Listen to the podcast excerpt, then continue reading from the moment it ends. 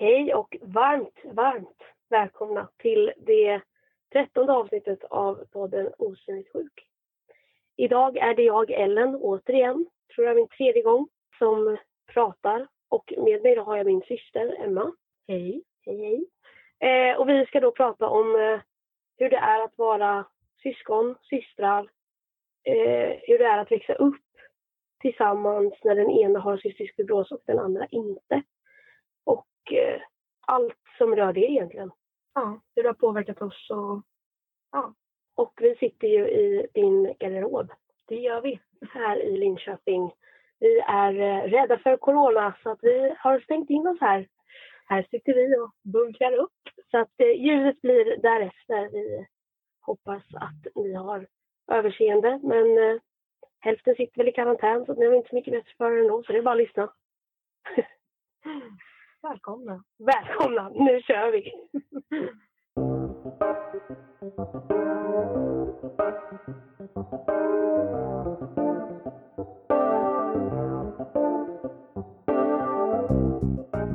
Du lyssnar på podden Osynligt sjuk. En podd av och med barn och unga som lever med de kroniska sjukdomarna cystisk fibros och primär celiär dyskinesi som förkortas CF och PCD. Sjukdomar som inte syns utanpå.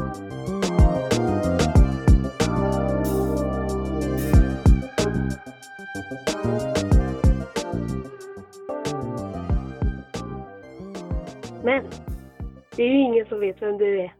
Nej, så vi tänkte att vi ska beskriva varandra. Så du kan väl börja med att beskriva mig. Mm. Utöver att vi är väldigt lika, för de som känner till någonting om mig, Mm.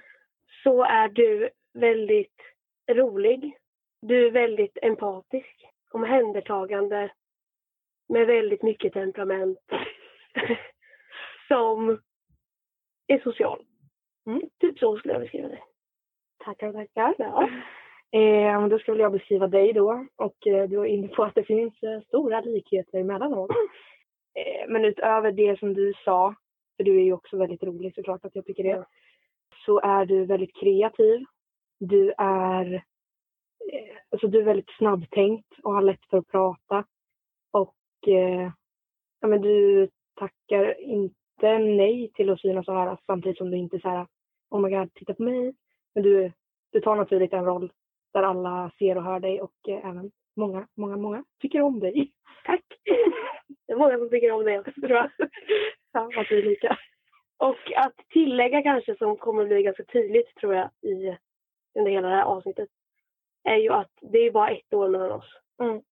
Vi har växt upp i en liten stad, gjort väldigt, väldigt mycket tillsammans. Mm. Umgåtts med samma personer, haft samma kompisar alltid. Mm. Som eh, det är nog ganska bra info att ha sen innan. Ska vi gå in på typ vår bakgrund, uppväxt? Mm.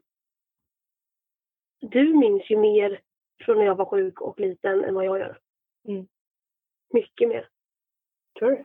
Jag, jag, jag, men det jag inte... Jag vet knappt vad jag minns själv och vad jag har fått återberättat. Av typ dig eller mamma. Mm. Jo, fast alltså när du, när du var jätteliten, det minns ju inte jag heller.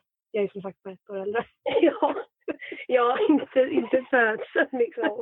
Men om man tänker så här när jag, från att jag var fem till Mm. tio, tror jag du vet mer. Eller minns mer. Men du var ju också, du har ju alltid varit med på läkarbesök både på hemmasjukhuset och CF-center. Mm. Sjukhus. Ja, och så har det ju naturligt blivit i och med att det bara är ett år mellan oss. Och ja, men det är svårt att lämna ett eh, så litet barn.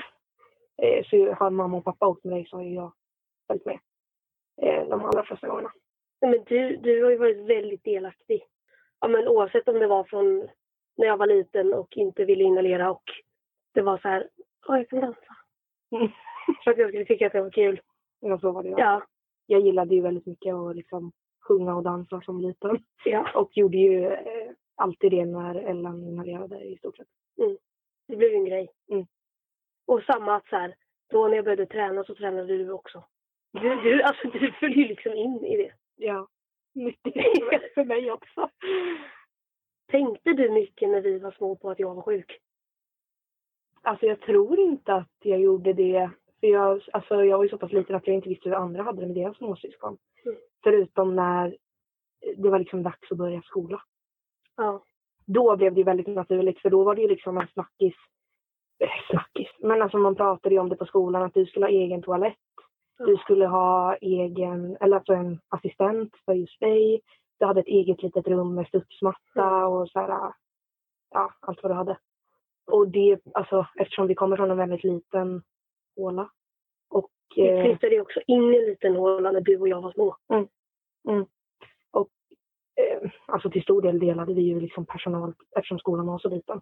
Ja. Så jag menar, dina lärare pratade ju ofta med mig om det var något de undrade. Alltså det är klart de Ja. frågade mamma och pappa om stora saker. Men de sa ju till mig vad de visste om, frågade om jag visste något. Mm. Eh, om, ja, vad det nu kunde vara. Mm. Men så, så var det ju.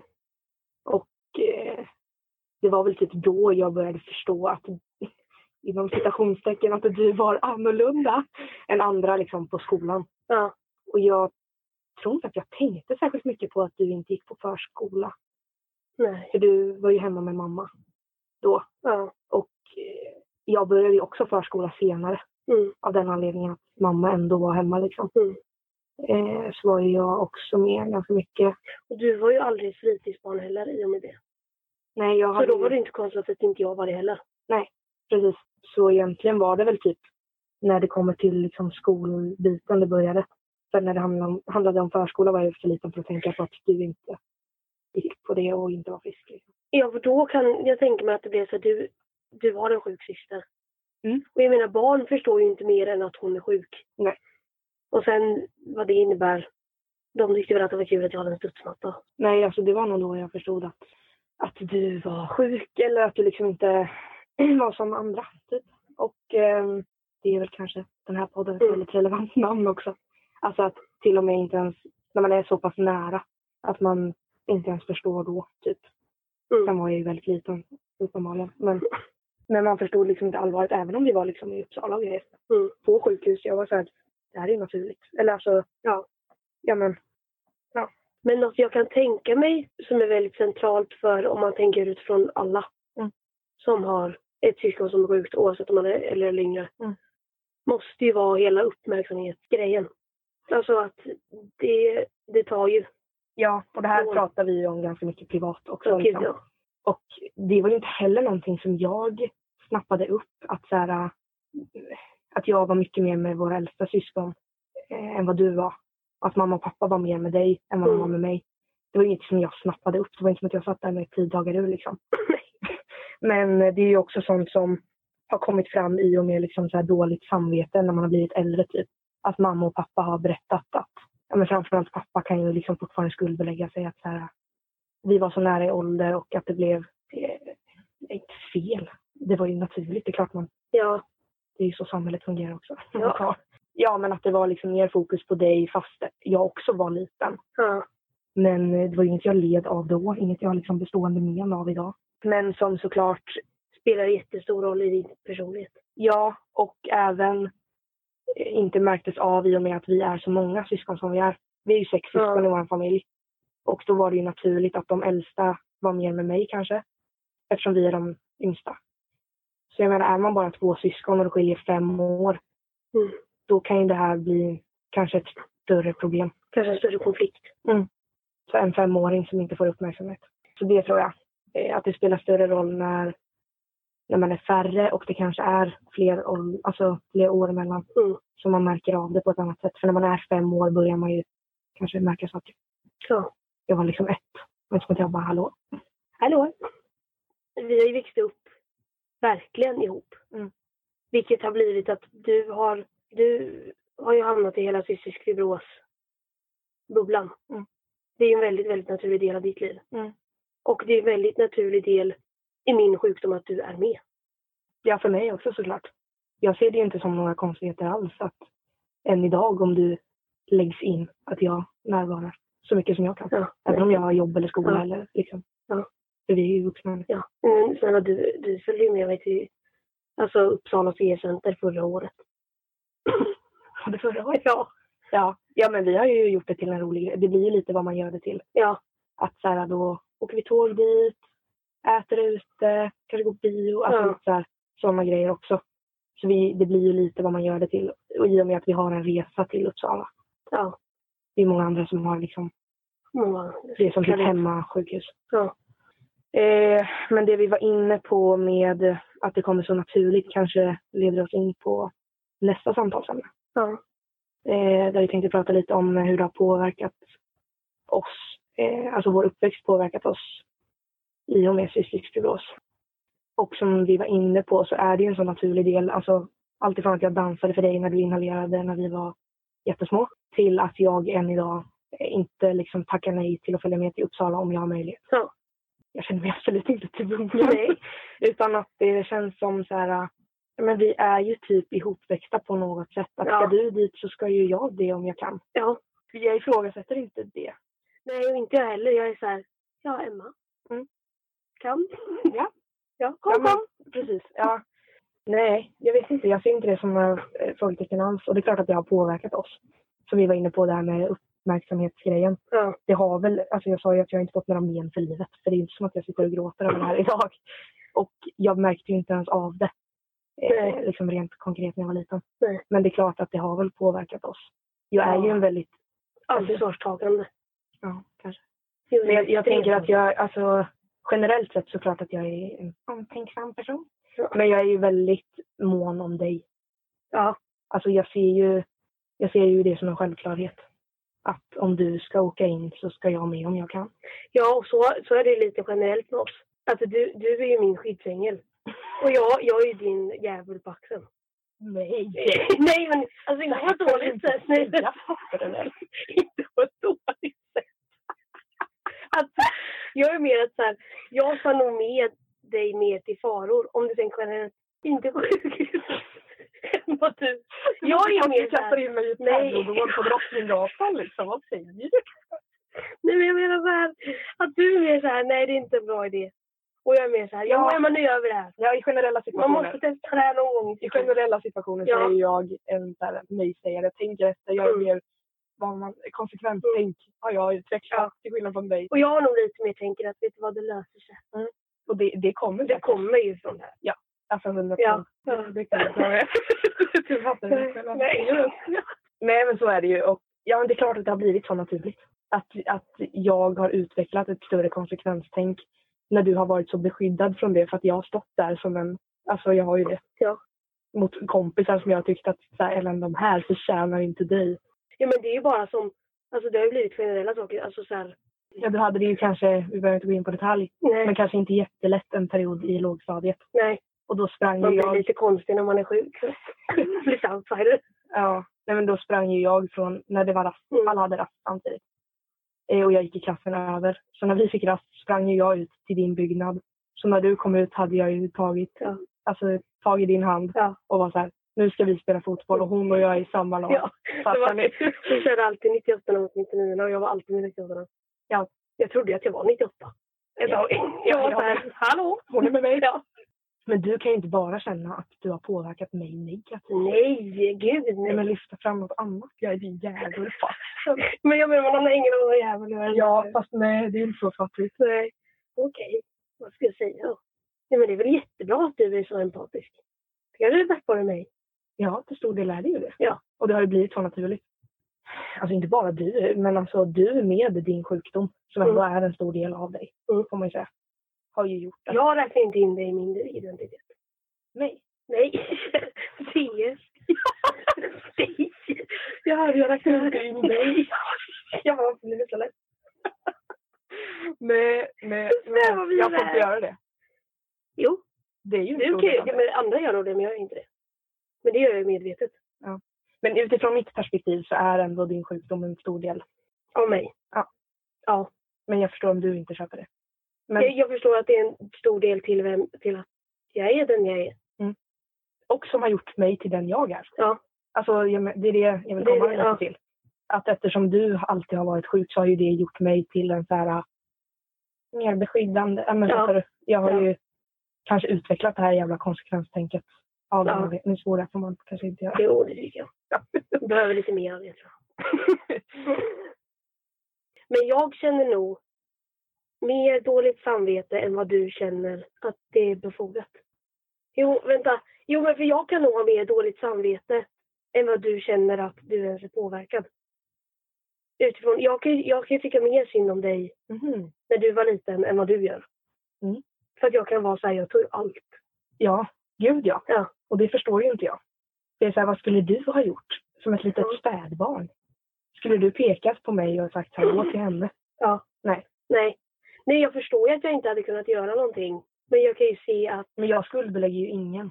nej gud, inte, nej, jag skuldbelägger inte någon. Jo, du skuldbelägger ju Jag dig själv. själv, men ingen annan. Nej, men du fattar ju. Nej, jag- Jag skuldbelägger ju ingen, så du kan ju inte skuldbelägga dig själv. Det är väl det sista. Ja, men, men jag kan ju ändå känna att så här, du, du föll liksom mellan två stolar. Mm. Lite. Och att Jo, jag köper några av våra roligaste minnen är liksom från sjukhusbesök. Ja. Eller är kopplat till det, inte att Ja. det var jätteroligt att sitta med doktorn. Nej, nej. Men när jag tänker på oss när vi var sju, då tänker jag, eller okej åtta kanske. Mm. Då tänker jag när vi spelar, eh, vad heter det, Lek, eh, terapi, ice, eh, ishockey, ishockey sånt eller? Vad heter det? Luft. Lufthockey på, i Uppsala liksom. Ja, det är ju Ja. också. Det är ett av mina liksom, barndomsminnen. Ja. Men jag, jag tror inte att jag ser det som lika negativt som du gör. Kanske för att du dessutom blev stucken i och blev svettester och Ja. allt vad det var samma dag. Ja. Så det är klart att du har det i minnet också. Men då tänker jag ju bara, sitter stackars tålmodiga Emma i ett väntrum i åtta timmar. nej, men då satt ju jag på lekterapin och kollade på serier eller vad jag gjorde. Ja men ändå. Ja, men jag, jag, jag förstår att du kan känna dåligt samvete men jag köper det inte. Jag skulle ju aldrig skuldbelägga dig för det här. Nej, det skulle du inte. Nej. Så jag tycker att det är eh, skevt att du gör. Eller liksom, Ja. inte skevt. Jag förstår ju. Men Du tycker inte att det är lika befogat som jag gör. nej. Absolut inte. Och sen så, det är klart att jag har en ljusare syn av det. I och med att jag inte blev stucken i eller svettestad. Jag såg ju att Ja. du blev det, så det är klart att det ändå är negativt. Ja. Men jag hade ju inte känslorna. Eller förstår du? Nej. Utan jag tyckte att det var kul när vi Ja. gjorde roadtrip till Uppsala liksom. Ja. Och eh, sova på hotell och alltså jag tyckte att det var Kul. Ja. Det Ja, blev det var ganska roligt. familjeaktivitet. Men då, och då kan det också bli fel att i och med att vi har sex, alltså vi är sammanlagt sex, sex, sex syskon, så kan jag ju känna då att de som är i mitten Mm. var för stora för att följa med nästan, men kanske för små för att inte göra det. Mm. Eller förstår du, jag tog jag, jag tog, men det tog ju mycket på dem också. Ja, gud ja. Att så här, när de kanske hade behövt att mamma och pappa skulle sitta och Läsa göra glosor med dem. Så var de tvungna att sitta och se till att jag inhalerade. Vilket då kan jag också tänka att så här, om jag bara hade gjort det. Mm. För att jag vet ju att man har behövt tjata på mig ganska mycket. Mm. Då kan jag bli så här, om jag bara hade gjort det så hade mer tid kunnat gå till andra. Ja, men du blir så här, hade jag gjort det så hade ingen behövt ta skada. Ja. Men det är ju ingen som har gjort det heller. Nej, nu är, det, nu är alla vuxna. Alltså nu så här, Ja. kan väl alla tänka mer klart. Mm. Men det måste ju ha varit jobbigt för dem. Och för dig. Ja, jag vet inte, jag förstår mer nu när du pratar om dem än när du säger Ja, om mig. Så jag kanske har svårt att köpa Ja. det bara. Alltså är man sjuk så är man sjuk. Du kan inte skuldbelägga dig själv. Nej, men man kan ju kolla tillbaka och tänka så här, om jag bara hade. Jo. Jag förstår, Ja. men jag köper det inte. Samtidigt, alla har varit 14. Vad sa du? Alla har varit 14. Jaha, jo. Tyvärr.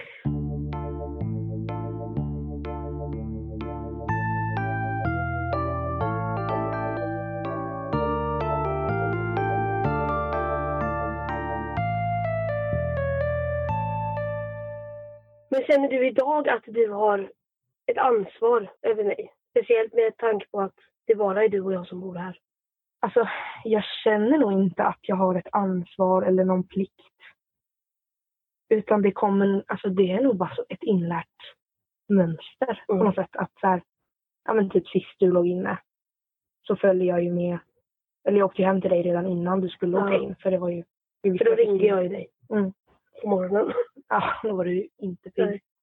Och då, då hade jag ju ingenting den dagen. Absolut, jag hade kunnat sitta och plugga. Ja. Men det var inte liksom, det blir inte min prio då. Nej. Eh, ansvar? Ja, jag vet inte. Alltså, jag tror inte att jag har har det synsättet bara. Jag känner säkert att jag har ett ansvar. Undermedvetet. Ja, det måste jag ju göra. Ja. Men det är inte det som motiverar mig att så här, Nej. åka till dig på sjukhus. Du är ju verkligen inte mammig på det sättet. Nej. Det är ju av den anledningen jag ringer dig först. För att jag är, det är ganska lugnt. Det blir inte så hysteriskt. Och det gillar jag. Vet ni. Ja, och sen såklart nu för att vi bor i samma stad. Ja, Alltså det går ju fortast för mig ja. såklart. Men du är ju också ganska lugn. Du, du blir stressad av konstiga saker som inte har med den här podden att göra. Jättekonstiga saker, typ teknik. Ja.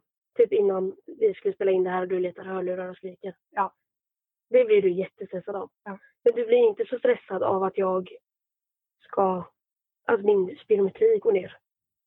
Nej, utan då försöker jag väl tänka så här, "Ha, vad gör vi Ja. åt det? Eller vad gör Mm. du? Vi. Nej men vad, vad, Jag också här, ja, men hur, hur illa är det då? Det kanske bara är du är lite förkyld. Mm. Det är inte hela världen. Nej. Medan typ mina föräldrar med all rätt. Mer, jag, oavsett om de säger det eller inte. Ja, och det här handlar ju också om ditt samvete. Att du känner att det tar hårdare på dem. Det tar mycket hårdare på dem än mig. Ja, men nej, men generellt att det tar hårdare om du ringer dem. Ja. Alltså det får större konsekvenser för dem personligen än om du ringer mig. Och så är det ju med många av våra andra syskon också. Ja, det kan ju vara värt att nämna. Alltså det är väl klart att jag känner någonstans något ansvar. Men det tror jag att många med småsyskon gör. Ja, oavsett om det är... Och det gör ju alla våra syskon. För alla. Ja, gud ja. Eh, så det är väl ett inlärt beteende. Men sen är det väl extra inlärt i och med att jag alltid varit med. Ja, och jag kan tänka mig att våra äldre syskon också känner mycket ansvar. Och framförallt oro. Mm. Vara vissa tror jag ibland kan känna sån stark oro vid till exempel sådana här coronatider. Ja men typ så här generellt ansvar i familjen, det känner ju alla över alla. Så är det ju. Mm. Du är ju inte den enda i en riskgrupp. Nej. Men såklart att du är mest utsatt. Mm.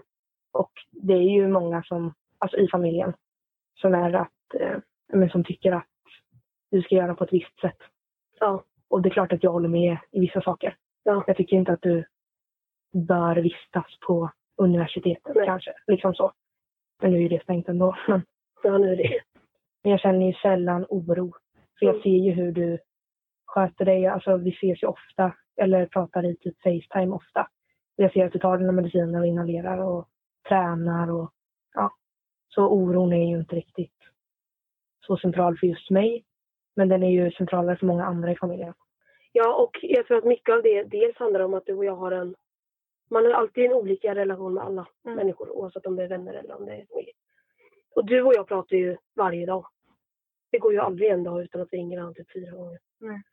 Och då förstår jag att när vissa kanske bara ser att jag lägger ut att jag har roligt och att jag numera är student. Mm. Att de då tänker att eh, det enda jag gör är att ha roligt och att jag när det också är så att jag aldrig har tagit hand om mig själv så bra som jag gör nu. Mm.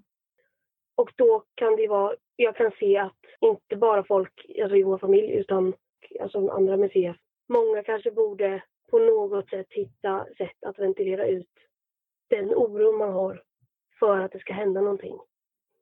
Alltså För- menar då inte lägga det på dig? Eller? Ja, för att det kan bli så fel.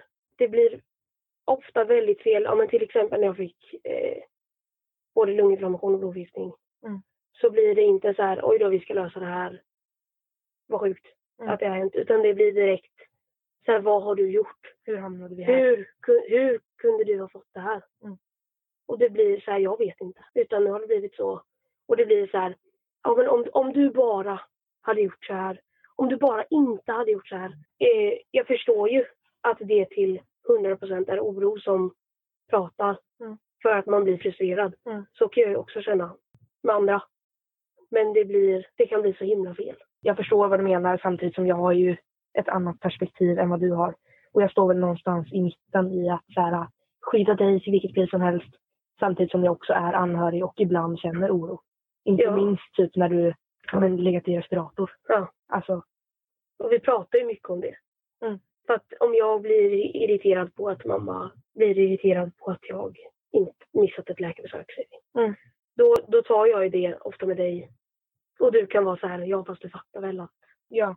du tar ju lite ner mig på jorden från att vara så hetsig som jag kan vara. Mm. Uppe i varv. Ja, det skulle jag också Ja. Att jag står någonstans i mitten. Ja. balanserar. Men det handlar väl också lite om så här, ja men vart vänder man sig om man behöver prata med någon annan då? Vi pratade ju lite om det inför den här podden. ja. Och vi var ju på Ågrenska när vi var små på något form av familje... De har ju anhörighetsläger typ. Och eh, då var vi ju indelade i olika grupper. Där jag var med liksom andra syskon och sådär.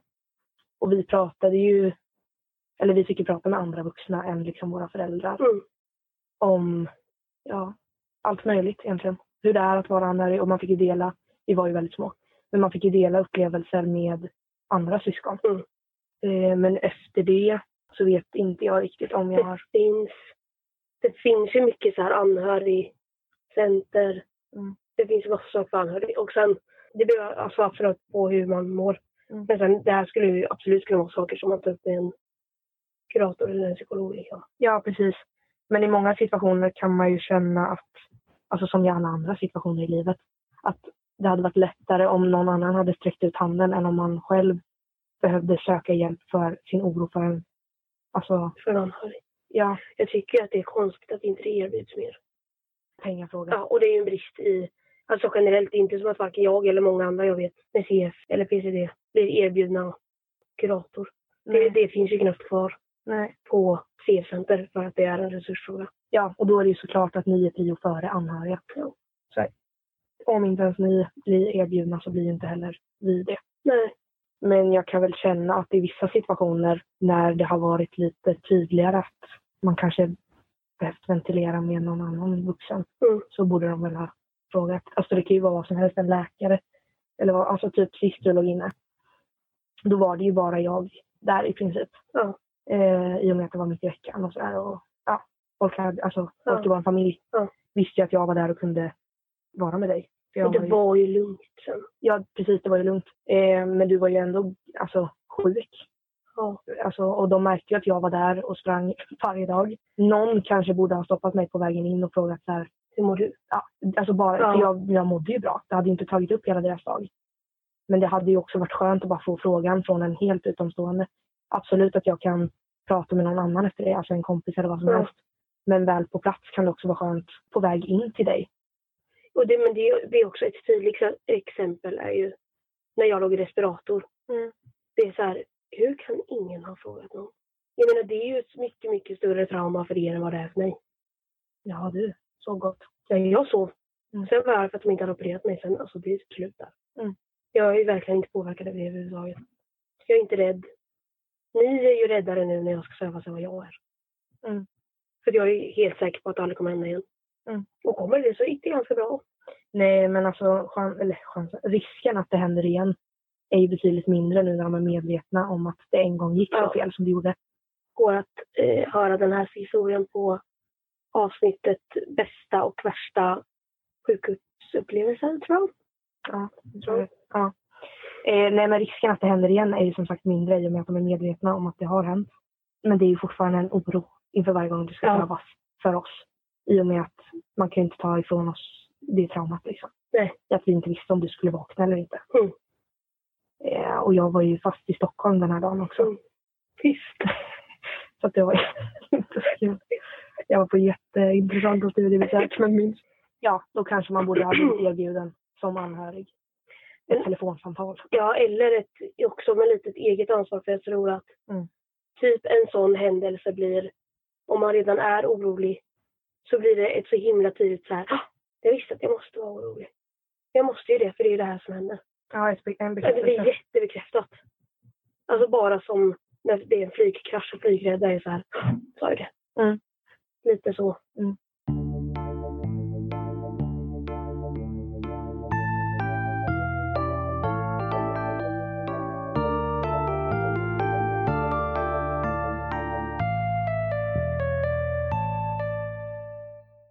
Alltså vår relation, hur det har varit idag. Om man tänker liksom resan från när vi var små. Mm. Så är det som vi har sagt att det, det är du som kommer först till sjukhus om det är någonting CF-relaterat. Och det är ju också det jag ringer först. Ja, och sen är ju det dels, alltså det är en kombination av att jag alltid har varit med Mm. och en kombination av att jag har närmat. Men nu är det ju väldigt naturligt menar jag. Eftersom Ja. vi bor i samma stad. Eh, och vi har lika långt till sjukhuset. Och jag skulle ju aldrig be dig komma. Nej, det har du aldrig gjort. Nej. Du har aldrig bett mig Nej. komma till sjukhus. Alltså, det är jag absolut inte besviken på, men jag tycker det är så konstigt. Nej. Hade jag legat inne så hade jag, alltså jag hade nog inte tvekat på att be dig komma. Eller be någon Nej. komma. För att det är inte skitkul att ligga inne. Och Nej. man vill ju gärna ha någon där. Ja, det är kul att spela kort då. Men sen kanske du inte heller ber mig komma för att du vet att jag kommer ändå. Inbjuden eller inte. Här i Linköping har det ju varit ett par gånger. Ja. Och jag har ju absolut inte långt till sjukhuset. Nej. Och när jag jobbade i somras till exempel så var det ju på vägen hem för mig. Ja. Så då hoppade jag av där och gick in. Och sen, och sen var det ju även många på mitt jobb som förstod att, att du var allvarligt sjuk. Ja. Så jag fick ju vara där även någon dag. Liksom så. Men jag tror att det, det handlar mycket om att jag har väldigt svårt för att vara besvärlig. Mm. Generellt. Och det, det kan ju vara både till, För och nackdel. ja men både om man tänker CF-relaterat och icke. Men det sitter nog i CF från början. Mm. Att jag har väldigt svårt för att känna att så här, nu är jag besvärlig. Men det hör man ju på allt du har sagt i podden nu. Att du inte vill vara anledningen till att läxläsningen inte blev som den blev. Ja. Fast du känner att du är det. Förstår du? Ja. Jag har väldigt svårt för att folk ska behöva anpassa sig utifrån. Att det ska vara så här, nej nu måste jag göra det här. Mm, det har du. Då är jag hellre så här, då skiter, då skiter jag i det. Då, Då får det vara. Ja. Eh, Jag kan absolut förstå det. Men jag vill ju också någonstans att du ska förstå att för mig så är inte du i vägen. Det är Nej. inte ett problem för mig att komma till sjukhuset och spela kort med dig. nej. När jag ändå har en ledig kväll. Ja. Alltså så är det ju. Ja. Och det vill jag någonstans att du, nu säger så här, ja, ja. Men jag vill ju någonstans att du verkligen ska ta in Ja. det. För att så här, annars hade jag väl inte kommit dag ut och dag in när du inte ens ber mig. Men om man ska se det utifrån hela. Då blir det att så här, jag vet ju att mammas hjärta stannar. Om jag säger, nu har jag fått en infektion i Mm. lungorna. Mm. Och då är jag nästan så här, då säger inte jag det. Mm. För att det kommer bli jättebra hon behöver inte veta. Mm. Men nu kommer hon döda mig när hon hör det här. Och hon vill ju veta. Ja, det är många andra som reagerar starkare än vad jag gör. Rent, vad ska man säga? I affekt. Nej, alltså jag menar eh, orosmässigt. Ja. Alltså jag blir ju orolig, men jag tar det kanske inte med dig i huvudsak. Nej. För jag vet att du har gjort vad du kan. Och så blev det så här ändå för att du är infektionskänslig. Ja. Vad ska du göra då? Ja, det blir också lite, vad är det jag ska göra då? Ja, du tar dina mediciner, du inhalerar och du tränar. Ja. Du, du beter dig inte liksom... Det är inte som att du slickar på ett bord i skolan, utan det blir så här ändå Ja. för dig. Och det förstår jag och därför är inte jag heller eh, arg på något sätt när du ligger inne. Nej. Utan så här, jag känner mest att så här, fan vad tråkigt för dig. Mm. Nu kan jag ta med kortleken så blir det lite roligare idag. Ja. Det kanske handlar om att jag någonstans känner det här underliggande ansvaret som vi var inne på tidigare. Mm. Men, men jag tycker ju heller inte att det är något som helst problem. Om jag ändå inte har något Nej. Och du blir ju också en trygghet för resterande som dels inte bor här. Mm. Att de, då skriver ju du så här, nu har de sagt så här. Världen Det är det ut som här. händer. Ja. Mm. För det gör ju inte jag. När jag ligger inne. Nej, Eller generellt. nej, alla blir ju lugnare av att jag är där. Och jag tycker, alltså för mig är det ganska naturligt att umgås på ett Ja. sjukhus. Jag tycker inte att det är konstigt. Vi har ju inte jättemycket sjukhusskräck liksom. Nej, det, Älskar sjukhus. Äppeljuice. Nej, men det är ganska naturligt för oss att umgås på ett sjukhus. Ja. Så det är inte som att jag drar mig för att åka dit av den anledningen heller. Eh, ja, men ska vi prata lite mer om eh, hur vi står idag? Alltså kring psykisk psykos. Mm. Du mår ju ganska bra. Jag mår bra. Jag tycker att jag mår bra i min CF. Mm. Jag har aldrig, alltså jag har aldrig tagit så här bra hand om mig själv. Mycket för att jag nu, nu inser jag väldigt mycket att det bara underlättar för mig själv. Mm. Och det vet jag att mamma alltid har sagt när har växt upp. Att hon har varit så här, men du förstår väl att du gör det här för dig? För din skull. Ja. Och jag har varit så här, ja, och jag gör det inte för min skull. Mm. Men nu är jag så här, att inhalera på morgonen innan jag åker till campus underlättar för mig Alltså, det gör extremt mycket. det gör ju att du får Ja. en bättre dag. Och att allt blir mycket lättare för mig om jag tränar. Ja. Så då gör jag det. Och det, det, allt känns väldigt naturligt nu. Mm. Jag bara gör. Mm. Vilket jag tror ändå börjar landa lite i vår familj. Mm. Ett lite mer lugn. Sen nu kommer corona. Precis. Och det Tack är ju en för den annan, världen. det är ju en helt annan typ av diskussion än vad det här är. Ja. Men din CF generellt är, är bra. Och alltså, det är ju lite så att mår du bättre så mår ju jag bättre. Ja. För att vi är ju så pass nära. Men jag tror också att det är ganska spritt med vad jag har hört folk som har CF. Att vissa har en vanlig syskonrelation men det är noll CF-relaterat. Mm. Medan vissa har, som dig och mig. Mm. Medan vissa har jättedålig relation. På grund av CF. Jag tror att mycket är på grund av CF. För att det har blivit fel. Mm. Och inte för att det är föräldrarnas fel eller personen som har CFs fel eller syskonets fel. Utan det har bara blivit fel. Ja men det är klart att det kan bli det. Det hade det kunnat bli för oss också. Ja, Jag kanske hade varit några år äldre än dig. Mm. Och tagit mer stryk av att jag inte fick den där uppmärksamheten. mm. Och kanske hyst agg mot dig. Och sen hade det suttit i. Eller så hade du varit yngre. Ja. Och det hade blivit fel så. Så hade det kunnat vara. Ja. Men nu så var det liksom inom citationstecken perfekt åldersspann mellan oss för att det inte skulle påverka negativt. Jag tror också att det hjälper jättemycket om man pratar om det. Mm. Att vara så här, det, det ett litet tips kan jag ge till folk. Men, Om, det, om det är så, men för vissa är så här, vi pratar inte om det överhuvudtaget. Då tycker jag nästan att den kanske personen som är sjuk i fråga kan vara så här, hur har du upplevt det? ja, och ingen kritik till dig. Men där kan ju du också bli bättre med övriga syskon. Ja, Det kan du ju. ja, Det är ju inte svårt att ha den här, alltså försöka få den här konversationen som vi har om det. Alltså mer lättsam att så här, jag sköter mig men saker går fel ändå. Det är ju så jag ser på det. Det är väl vårt tips till andra med, prata bara. ja, prata om det. Snacka. Men inte bara om det. Nej, För det blir inte bra. nej, och man kan inte ha som identitet att man är Där har vi ju varit i perioder. Gud ja. Att vi bara har pratat om det. Mm. Och då har jag ju, Och att vi inte har pratat om det. men när vi har varit i perioder när vi bara har pratat om det. Då har jag ju varit så här, är du ingenting annat Ja, än cystisk fibrosare? Liksom Ja. så. Och när vi inte har pratat om det har jag varit så här, du kan inte låtsas som att du inte har det. Så att det är ju en väldigt tunn balansgång, det är men, väldigt hundbalansgående. men det funkar för oss. Mitt, mitt livstips är alla det. Du kan inte ha som identitet att du är sjuk. Nej, Kan inte ha det. nej, jag förstår det. Sen sitter jag också just nu och är så här, jag mår bra. Så Ja. det är väl lätt att säga. Ja, och som vi var inne på precis i början. Jag kan inte förknippa sjukdomen som en så stor del av dig som jag faktiskt gör. För mig så är det ju ändå det. Ja, Tyvärr. det är ganska rimligt. Men det är ingen nackdel för oss i vår relation heller. Nej. Men om man ska sammanfatta vår relation idag när det kommer till just cystisk fibros så sa ju jag till dig sist du låg inne att eh, alltså det här kanske landade fel hos dig. Men jag menar ju det. Ja, Att så här, sätts ditt liv på paus så gör ju mitt det också. ja, Och du vill ju inte det. nej, Men jag menar att så naturligt är det för mig. ja, Att pausas ditt, då pausas mitt. ja, Och det ser inte jag som så här, åh nej, skolan. Utan jag är så här, det löser sig. ja. Då får jag plugga 200 procent nästa vecka. En ganska tydlig eh, metafor på skillnaden mellan på hur, och jag, hur du ser på min CF-identitet och hur jag har.